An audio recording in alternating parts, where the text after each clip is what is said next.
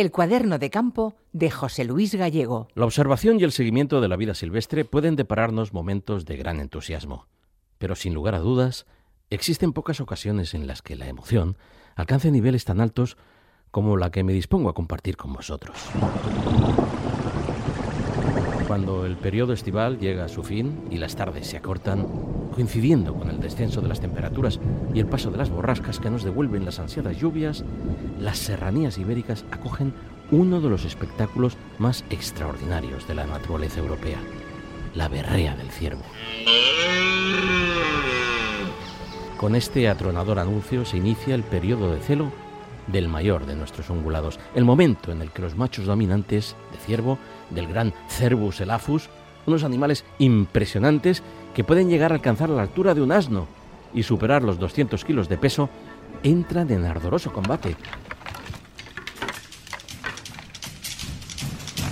Para conseguir o para defender su posición de supremacía en el grupo, su hegemonía sobre las hembras y su prioridad para reproducirse.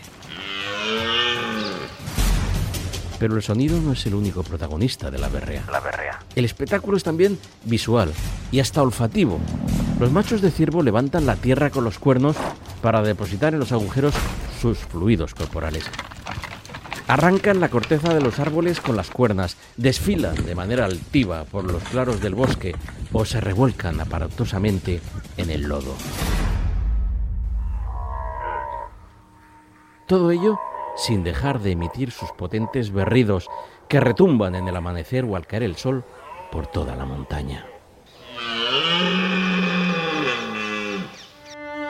El berrido, la ronca y enérgica brama del macho, es su manera de marcar territorio, de anunciar su superioridad al resto o de desafiar al líder y citarlo a combate. Combate, combate, combate. Un desafío que deberán afrontar ineludiblemente y ante la mirada de los otros, hembras y jóvenes, testigos pasivos de la afronta. Algo que suele tener lugar varias veces a lo largo de la jornada, especialmente a primera y a última hora del día. En ese enfrentamiento, líder y aspirante no dudan en abalanzarse el uno sobre el otro con todo el ímpetu para haciendo uso de sus poderosas cuernas, frenar las acometidas del contrario, doblegar su fuerza hasta perseguirlo después a la carrera y expulsarlo del entorno de las hembras. Este es el implacable mecanismo con el que la naturaleza ejerce la selección natural.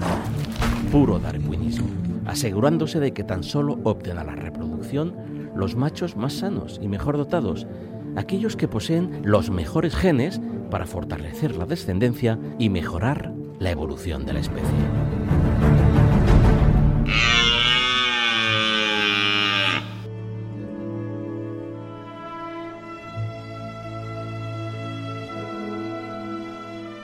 Una vez establecida la jerarquía, llega el momento de cubrir a las hembras. Unas hembras que, ajenas a los combates y rodeadas de los cervatillos del año, van a permanecer fértiles durante apenas un día por lo que los ganadores deberán atender cuanto antes al mandato genético de manera urgente, dejando alguna que otra monta para los machos menos afortunados. Tras cumplir con ese mandato biológico, los grandes ciervos dominantes se retiran al interior del bosque para seguir con su vida solitaria, ajena al resto de la manada.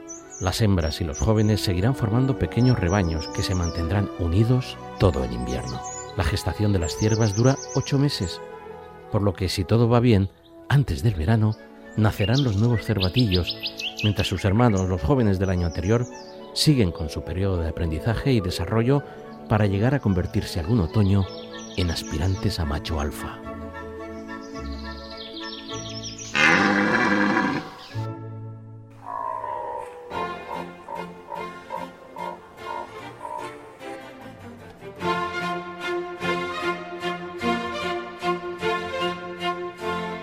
En España el ciervo común vive una explosión demográfica sin precedentes, lo que está llevando a la especie a recuperar buena parte de los territorios de los que había desaparecido.